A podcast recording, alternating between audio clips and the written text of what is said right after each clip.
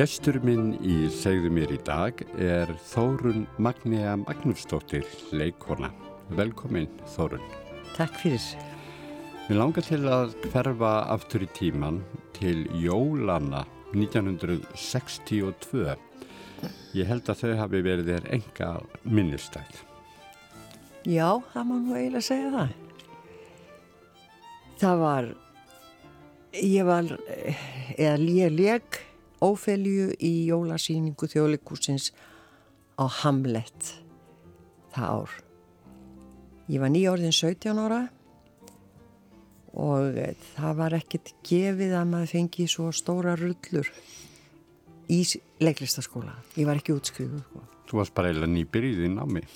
Ég var búið með eitt ár. Já. En þetta var tveggja ára skóli. Já. Og hvað kom til? Já. Kanski var bara engin annar í bóði, ég veit ekki. en ég var allavega búin að vera í tvö ár hjá í leiklistaskóla Ævars Kvaran og kannski hef ég bara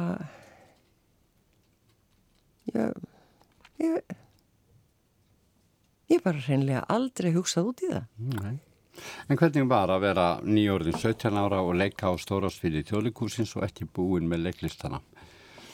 Hvernig var að kynast þessum leikurum sem þá voru svona já, stjörnur leikúsins? Dásamlegt.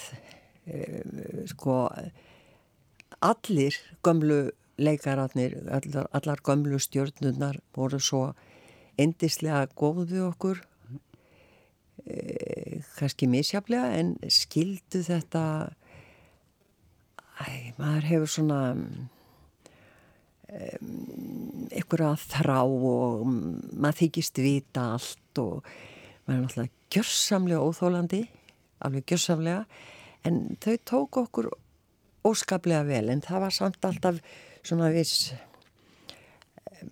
viss fjarlægð. Ég man sko frú Ardís Björnsdóttir og, og Haraldur Björnsson þau buðu okkur dús daginn sem við útskrifuðumst en þanga til þéruðum við þau. Og voru þau með þér þarna í leiksýningunni? Ekki Ardís. Nei. Nei og ekki Haraldur heldur. Lárus Pálsson leik Pólunius, föður minn. Og hann, hann hefur verið dús við þig? Æ, hann buði okkur dús strax. Já. Æ, Þannig að þú gast þú að fólkstjóðsvið á æfingum. Já, já, já, já. Og svo var Gunnar Ejjólfsson leik Hamlet eins og frækt er nú orðið og þarna var Herdís Þorvaldsdóttir og Róbert Artfinsson og Rúrik Haraldsson og ég, mér minnir að skólabróðu minn Arna Jónsson hafi verið í þessu líka en þetta kominn 50 pluss ár síðan sko. Þú segir Arnar Jónsson skólabróðin voru þið samtíma í skóla? Já. Í leiklusskólan? Við vorum saman í, í, leiklusskólan. Voru þið mörg í árgangnum? Við vorum sjö uh, Já Þau nú við Jú, ég, við vorum sjö held ég og ég teljaði upp Já, það verður góða gaman að heyra uh, Það var Oktavía Stefánsdóttir Anna Herskind Bryndís Gram uh, Arnar Jónsson uh, Sverri Guðjónsson og Leifur Ívarsson Og þú? og ég Já. En þarna sem sett eru þið á sviði, þú og Arnar og Arnar í einhverju vantarlega minna hlutverki ófylgi en nú svona kannski ekki risastótt hlutverk en það er svona eftirminnilegt og, og, og hérna þunga vikta hlutverk, getur sagt í, í Hamlet. Mm. Já, já, já. Ég, ég fekk náttúrulega mjög góða hjálp sko. Bæði var Gunnar mjög góður við mig og Bendit Átnarsson setti þetta upp og hann hjálpaði mig, leiti mig í gegnum þetta og ég man ekki eftir að ég væri neitt rosalega nervus. Það var búið að tala í mig sko kjark og þór af, af þessum tveim kanónum þannig Gunnari og, og, og Benna og eins af Lárus var líka mjög góð við mig. En þetta er svona byrjundi vengina fyrir unga stúlku sem er að stiga sér fyrstu skref í leiklistinni. Þannig að þú er nú vantarlega pilsóldi svona bjassinni á framtíðina. Já, eins og ég sagði að maður er hálfviti þegar maður er úlingur, maður, samlega, bara, maður getur allt. Mm. Bara, þetta er engin takmörk. Og þér fannst þetta auðvitað alveg bara sjálfsagt? Þannig séð? Þannig séð, já. Þetta var það sem allar að gera hvort þið er. Og... Já, já, já. Og það kom aldrei neitt annað til greina. Ég byrjaði að leika út í Móa, hindi vinkonur mína til þess að sitja og horfa á mig leika ykkur að rosa rullur alveg frá því ég mann eftir mér.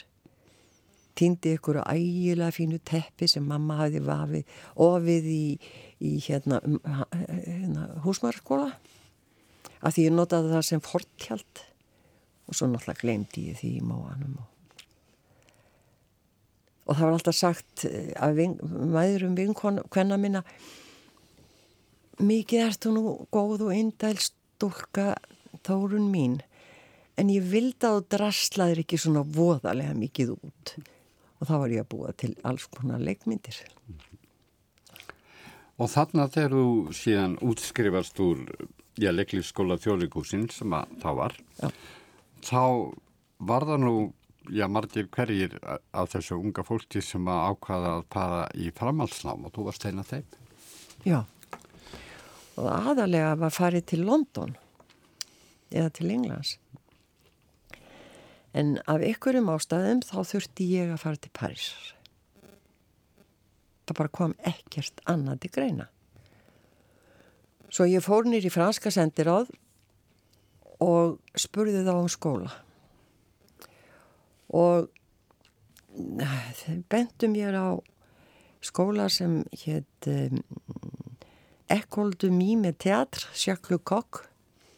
Kanstu búið þetta fram þá svona nei, langt heiti? Kunnur ekki orði í fransku? Nei, ekki, ekkert. Ég, ég gætt sagt bonjour hmm. Og bonne nuit en ég vissi ekki hvort ég átt að segja hvenar. Sko. Þannig ég gætt alveg bóði goða nótt um morgunin að breytta einhver. Hmm.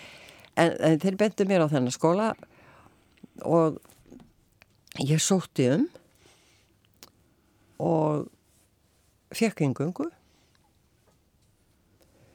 og mér til mikillar hörðu en svo kom þegar ég talaði við Sjaklukák þegar ég kom út sko þá saða mér það ég er að sapna þjóðum ég vil fá, ég vil fá allar þjóðir í skólan minn svo að e, ég fór út og ekki talandi orði í frösku en ég var þó það gáfuð að ég réði mig sem au pair Þá með náminu eða áður? Nei, ég fór áður, ég fór Já.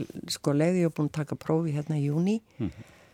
Þá flög ég út og fór í að vinna sem au pair ég byrjaði ekki fyrir í óttabér skólanum og innrýtaði mig í Allianz Francis í fransku nám.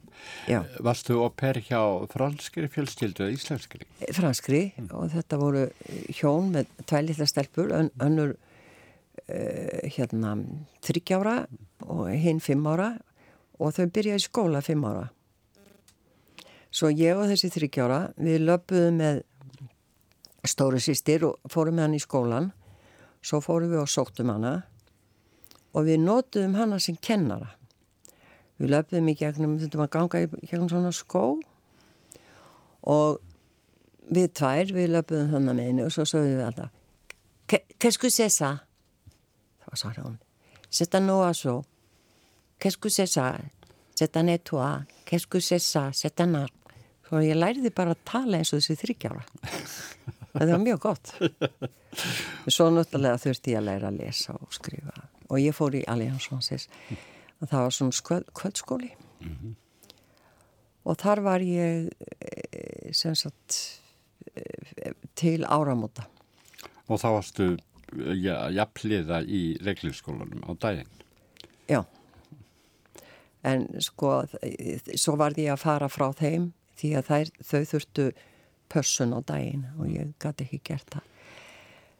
Og eh, þá náttúrulega eins og sá hálfviti sem maður er á þessum aldri eða kannski bara alltaf þá réð ég mig sem aðstofamannski eldúsi á, á hérna litlu restaurant sem hér Le Pulpit og var upp á Montparnasse og ég kunni náttúrulega ekki að sjóða egg hvað það annað.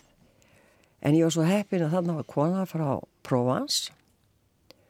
Og hún bara kendi mér elda. Svona nokkuð nögin ég var allavega skamlaus Þannig að þetta hefur verið pjálbriðt nátt, þú lærðir fransku og talaður eins og 30 ára pann, þú lærðir leiklist og þú lærðir að sjóða egg og, og, og svona taka til hendir í eldúsi. Já, svo náttúrulega eh, þrið, setna árið þá fór ég mjög, þá fekk ég e, herbyggju upp í lótti fyrir að að strauja og gera við fyrir eldri konu. Og svo kona hafði verið e, ung stelpa í fyrir heimstyrjöld og ung kona í setni heimstyrjöldinni hún hafði sem sagt lífað tvær heimstyrjaldir og sögurnar sem hún sagði mér á það var ótrúlegt var alveg ótrúlegt hvað lagt var á Evrópu á þessum tíma mm. Hvernig var París þegar þú kemur langað á þessum tíma? París fór náttúrulega mjög vel út úr stríðinu mm. en það er ekki nema 17 ár frá styr, styrjaldalokun því ég kem. Og hvernig var lífið í París?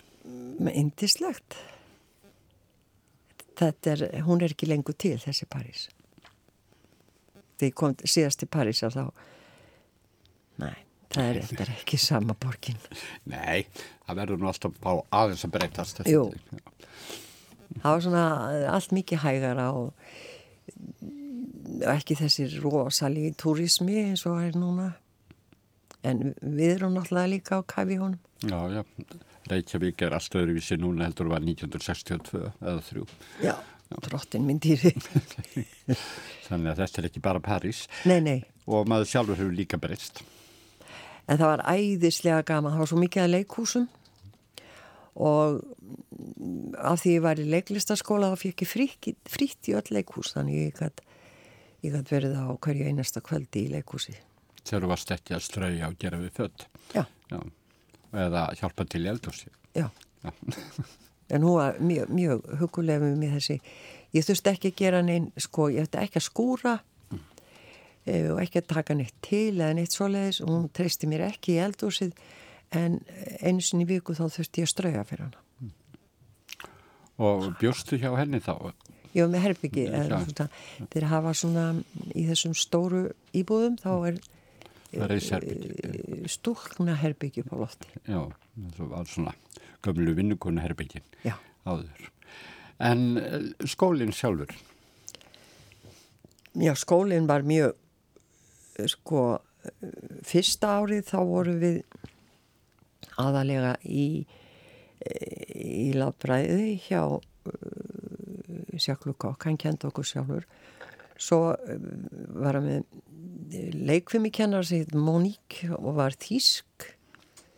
Og er það ef hún er lifandi þá og hún var sko hún hefði somt sér vel í SS sveitunum hún. Barði okkur áfram. Það var ekkert til sem að í hennar stafróður sem hér get ekki. Og segði nei þú getur þetta vel. Þú bara vilt það ekki og svo var maður kerður áfram þá að maður stóða allir lappirnar. En ég er henni afar þakklátt í dag. Ég held nefnilega að lífi ennþá eitthvað af, af þessu í gömlu beinónum mínum og liðónum Já, svo hefur þetta vantarlega líka verið góð kjensla í aga og sjálfsaga.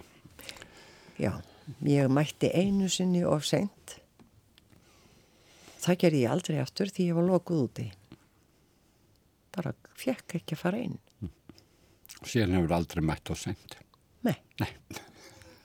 það er svo einfalt En þú líkur þarna námi, hvað varstu lengi? Varstu... Nei, svo er þau setna árið. Þá fengum við e, kjenslu í, í e, leiklist á sviði og í bíómyndum.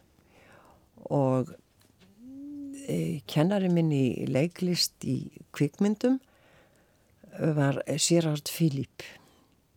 Einhver fallegasti maður sem hefur fæðst á jörðinni. Hefur þið séð hann? Nei. Hann. Er hann á lífi? Nei, Nei. nei, nei, nei, nei. En hann var einna frægustu leikurum frakka á sínum tíma. Alveg óskaplega fallegum maður.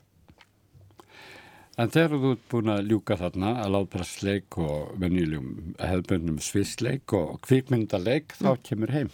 Já, Og hvað býður ungara leikonum sem kemur frá París? þá fór ég að vinna við þjólikúsið. Ég gekk í hamarinn og var þar í 30 ár. Það er svona, já, Ég man eftir sko fyrst að því að, því að muna svo óskaplega mörgum árum á okkur. Þannig að ég man eftir fyrst í síningu, frægri síningu á stórasviðinu sem hétt Sjö stelpur. Það má eiginlega segja að við slegið í gegn þar. Eftir Það var- barburu. Já, ofubóðslega mætti nú bara alveg leika það leikrið aftur. Held ég. Þetta er sænsleikrið sem gerist á upptöku heimili stúlkuna og segir sögur þessar nokkra stúlkna sem þar eru og samskiptum þeirra innbyrðis og við starfsmenn heimilisins og svona eiginlega aðalpersonan og sögumæðurinn er ungur maður sem kemur þarna til þess að starfa með þessum stúlkum og við báum að kynnast til í gegnum hann Já. Lífi þeirra. Og þær eru eiga svona við ímislegt að erfileika að etja. Og þessi sem ég leik, hún var dópisti. Og illa farin. Þetta gekk eh, mjög vel þessi síning á sínum tíma og, og svona. Og þarna byrtust á sviðinu þá margar svona ungum leikonum Já, þjóðleikúsins og sem að komu reyndar sérstaklega til leik í síningunni. Þetta var mjög þetta var mjög krefjandi hlutverk líka. Það gekk nú svo saga um bæin að ég væri dópisti annars hefði ég ekki geta gert þetta. En ég er nú ansið rættum að ef ég hefði verið það þá hefði ég aldrei geta gert þetta. Nei, það þarf, að vera alls heilbriðu til að leika sjúkling. Já, ma- og í svona stóru hlutverki. en ég man það sko að þegar ég var búinn á, á síningunum þá var ekki þurr þráður á mér. Það var, það, það mátti vinda fötin mín. Því að hún fær þarna bæði köst og, og krampa og fylgir þessu það fylgir ekki bara einhver sæla því að vera dópisti það er um, langt þar frá. Og þetta leikrit var mjög raunverulegt Já, þetta var svona realistískum stíl, sko. það var ekkert verið að fegra neitt. En þetta var svona, já, má vel að segja, svona einn af þessum hápuntum svona fyrir okkur áhörundur þínu perli þarna í tjóligúsinu, var það eitthvað annað sem þér sjálfur fannst, fannst þið meira tilkoma á því sem nú ég kannski ekkit meira til koma en, en e, það var eftirminnilegra. Ég, e, ég leik með Gunnar Eyjólfsson í tvíleik Stefani Abrahams sem var í rauninni byggð á á einni Sjallín Jacqueline uh, Dupré. Seljuleikaran, já, já, segðu okkur aðeins frá því.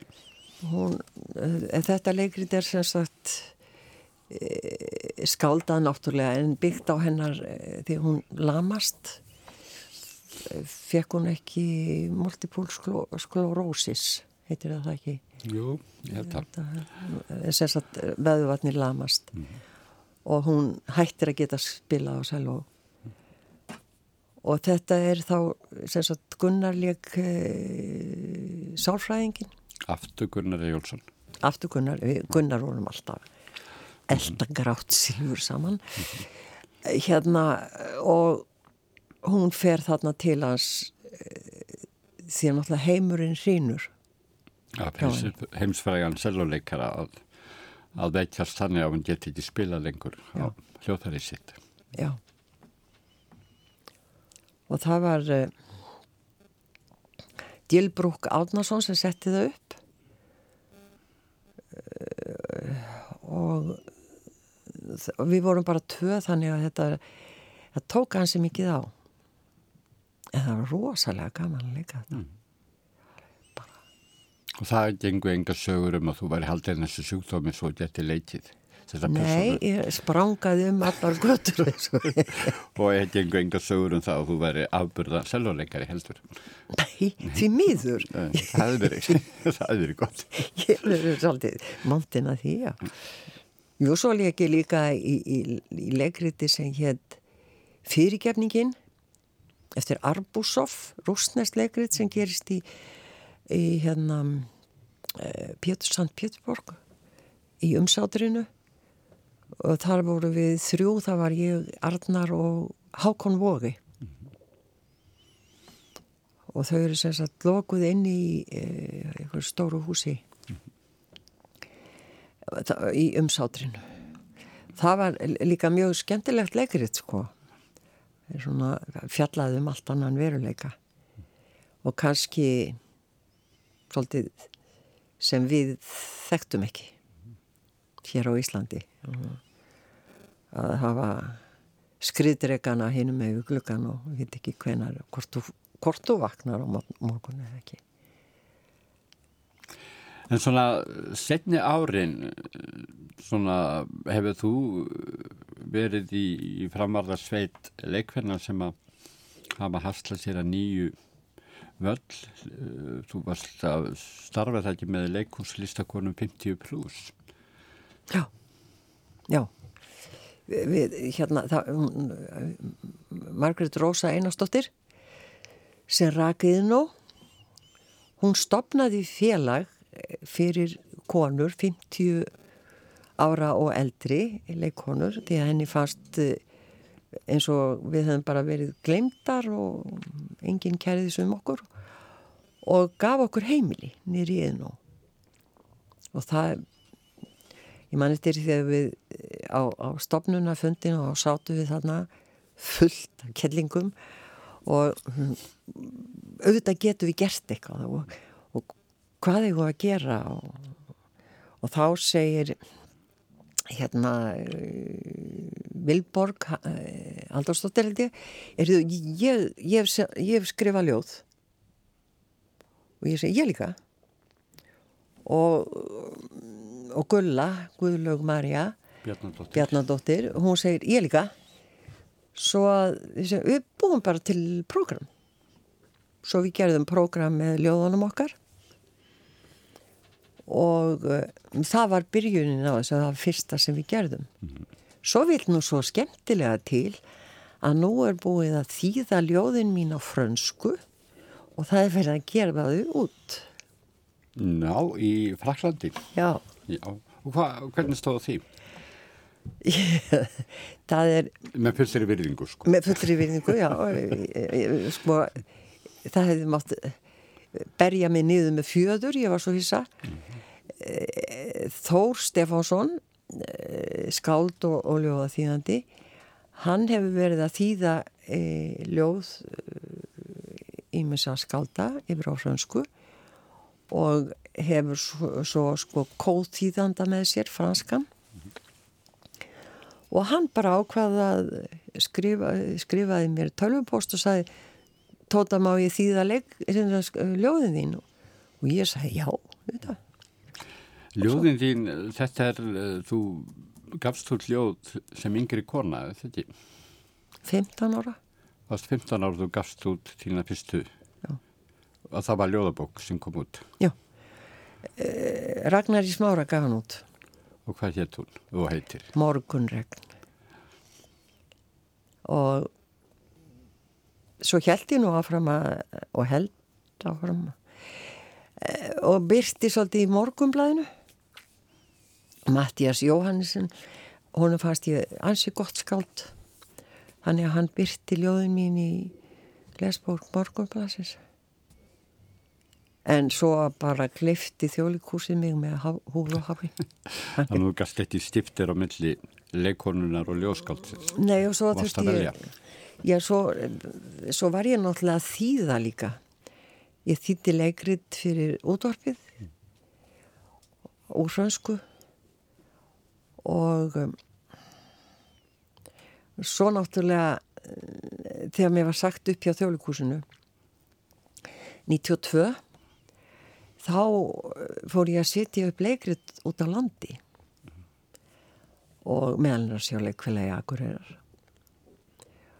Og eh, og allstaðar út um allt út um allt land. Og það það var dásamlegu tími ég kynntist alveg nýrði þjóð. Íslenskri þjóð sem var sko bara allt öðruvíseldur en reykingar dásamlegu þjóð. Alveg eindislegt og ég man að það var fyrst þegar ég var að fara á það kom svolítið á mig að það helsuðu mér allir. Ég hef bara ekki vöð þessu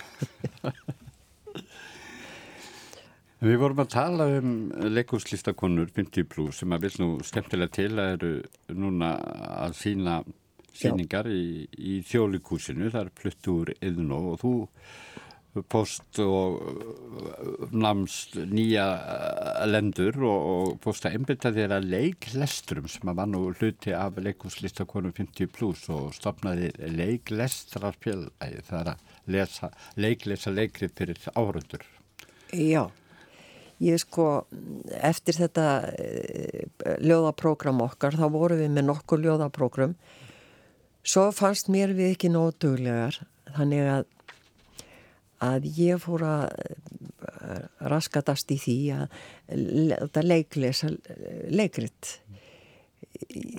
Sko uppóhalds mitt uppóhald var alltaf uh, útvarsleikritin ég elskaði útvarsleikrit alveg frá því mann eftir mér. Og mér finnst einhvern veginn eins og þau hafi dalað einhvern veginn. Þannig að ég fór að láta leiklesa og við leiklásum alveg fullt af leikritum og, og síðan náttúrulega mistu við nóg þegar að e, Magga Rósa hætti þar voru þið þá að leiklesa nýleikrit eða eldri leikrit eða hva, hvað réði í valinu? Bæði. Bæði. Mm. Við vorum náttúrulega með nokkrar konur, Huldu Ólastóttur og, og Selvi Pál sem voru að skrifa leikrit hjá okkur, með okkur og við leiklásum þau. Svo leiklásum við leikrit sem að e, Edda Björgvins og, og Hlín Agnars hafðu skrifað. Látt ekki degan síga guðmundur og síðan leiklásum við líka leikritina Hlín Konur Skelva Konur Skelva Já. og síðan fórum við að leiklesa svona mér fannst eh, sko ekkert er að leikið af, af til dæmis Otti Bjössinni Guðmundi Steinsinni og mér fannst vanta þetta inni þannig að ég fór að að láta leiklesa ég leik, leiklesa fjöguleikrit eftir Oddby að því mér var svo gaman að fylgjast með honum sko. Fyrst leikritin sem að byrjaði með nýri nýri tjarnabíó einþáttungana síðan mm, eftir dansleikin sem var sínt í þjólikúsinu sem var sínt í þjólikúsinu og eftir konsertin. Mm. nei dansleikurinn heitir það. Og svo eftir konsertin. Mm. e, það var líka í þjólikúsinu og endaði á 13. krossferðinni sem var síðasta leikritið hans. Og svona heil stóra mestarverk Óts Björnsson en þannig að þegar þannig komið sögu þá dugar þér nú ekki að, að vera bara með leikhúslista konur því að þessi verk kalla nú á kallmenn líka. Já og og, uh, og jafnvel á öðrum aldri heldur en bara 50 pluss Já, já, ég, við vandaði bæði sko yngri konur og kalla á öllum aldri. Alltaf verið svo upp á kallhöndina. Þannig að það einhvern veginn passaði ekki inn í e, breyti því ekki er en þá í 50 pluss sko. Mm. en e, þá bara stopnaði ég leiklestrafélagið sem var þá sko ekki kynbundið. Og ekki aldursbundið og ekki aldursbundið. Og það er alveg ofbóðslega gaman að fá að vinna með öllum ungu leikurunum ég bara fyllist nýju eh, blóði og lofti og whatever. Bara, það er bara svo skemmtilegt. Að kynast nýri kynnslóð í leikúsi sem er allt öðruvísi heldur en heldur en kynnslóðin sem þú ert af mentalega og hérna en þetta þið, þegar Margarósa hættir Margarósa hættir að vera í hérna yðurnó þá fáið þið aðsetur í Hannesarholti með leiklistar en nú er þið komin í þjóðlikustjálsara Já, við, eh, hún Ragnæður í Hannesarholti hún, hún tók okkur undir sinn arm uh, þessi elska meðan við vorum þarna svona, já, hálf munnaðlausar mm -hmm. og uh, síðan uh, fór ég og talaði við Ara sem þá var eh, þjóðlíkustjóri og hann bara tók okkur opnum örmum mm -hmm. því að það er náttúrulega meira leikús umhverfi í þjóðleikúskjallarnum heldurinn sko, hann er svo holdir alveg rosalega fín koncertsalur mm. en það er engin ljósa aðstafa eða neitt. Sem hendar betur fyrir leiklistara. Nú, Já. sko, þessum tölu orðum, er, er það þú og þínir félagar að leggja síðustu hönd á, á verk sem að verður leiklisti bara í þjóðlíkus testaranum í kvöld. Hva, hvaða verk er það? Það heitir Kraftaverk heilags Antónius eftir uh, Maurice Mateling og hann er flæmskur en skrifaði á fransku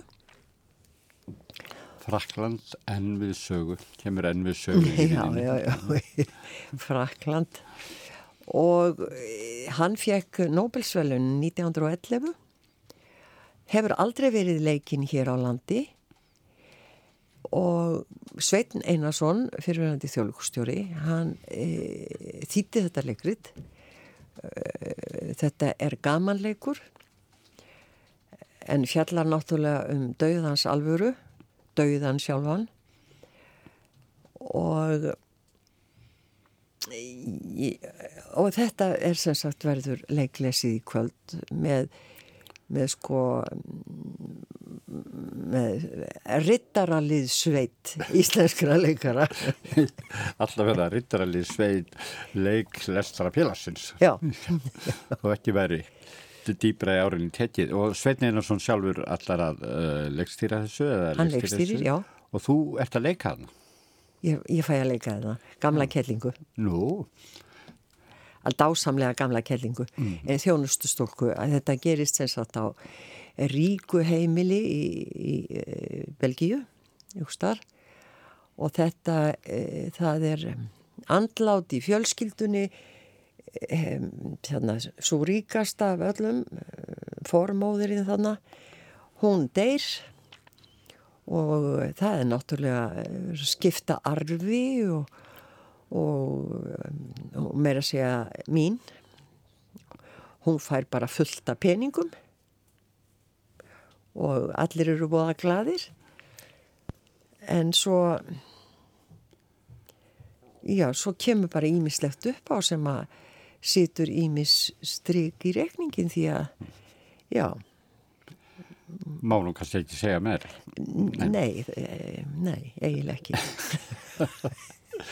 og þarna er þetta einvala lið, segir leikara, þarna, hver er koma þarna við sögu? Eh, það er Kristján Franklín Magnús, það er Sigurður Skúlason, það er eh, hérna, Jakob Þór Einarsson, Felix Bergson, Karl, Úrval, Karl Ágúst Úrsson um, við, eh, Randverð Þóláksson Hlinur Þorsteinsson Sigur Jónas Sverrisdóttir eh, Jóhanna Norrfjörð Er ég búin að tellja þetta upp? Ég heldur sér búin að tellja þetta upp, svo bara, við vorum enda búin að minnast á það áður, það var Tóru Magníja Magnúsdóttir. Já, Já. æ og hún. Já, Æ. Já, en nefnd og téð Tóru Magníja Magnúsdóttir er búin að vera gestur okkar hér í segðu mér í dag. Þakkaði fyrir komuna og góða stemtun í kvöldi í þjóðlikustjaldarinn. takk fyrir að bjóða mér og velkomin.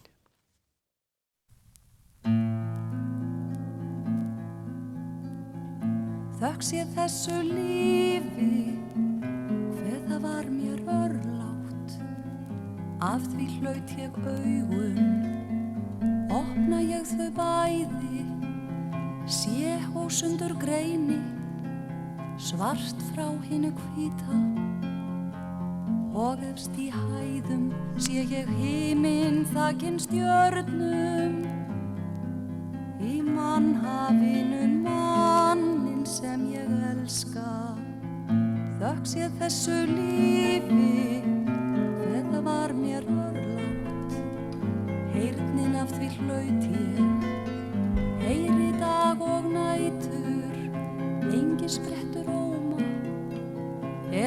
fuggla syngja. Dinn í vélum, hundgá, hamarshögg og regnið og mjúka róminn mannsinn sem ég elska. Þökk sé þessu lífi, hver það var mér örlátt. Hlaut ég af því hljóðin, hlaut ég einnig stafróf, eignaðist ég orðin um allt það sem ég hugsa. Móðir, vinnur, bróðir eru ljós sem lýsir. Þá grýttu braut er gengur sál þín eftir.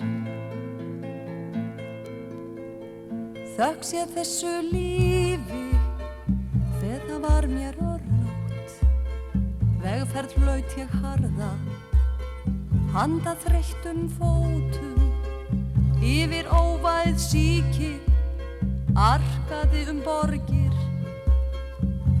Vítt um strendur, fjöllum, óbyggðir og engi.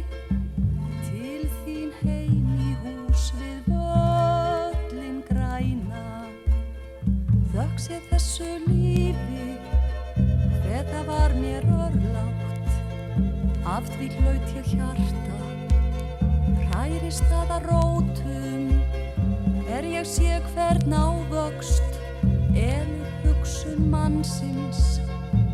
Og allt sem gott er, svo víðsfjarri því vonda. Er lít ég í þín augun undur skæru. Þökk sé þessu lífi, það var mér því hlátur, hlaut ég einnig tregan Til að greitt ég gæti, gleðina frá harmi. Þetta tvent sem elur alla mína söngva Og söngvar mínir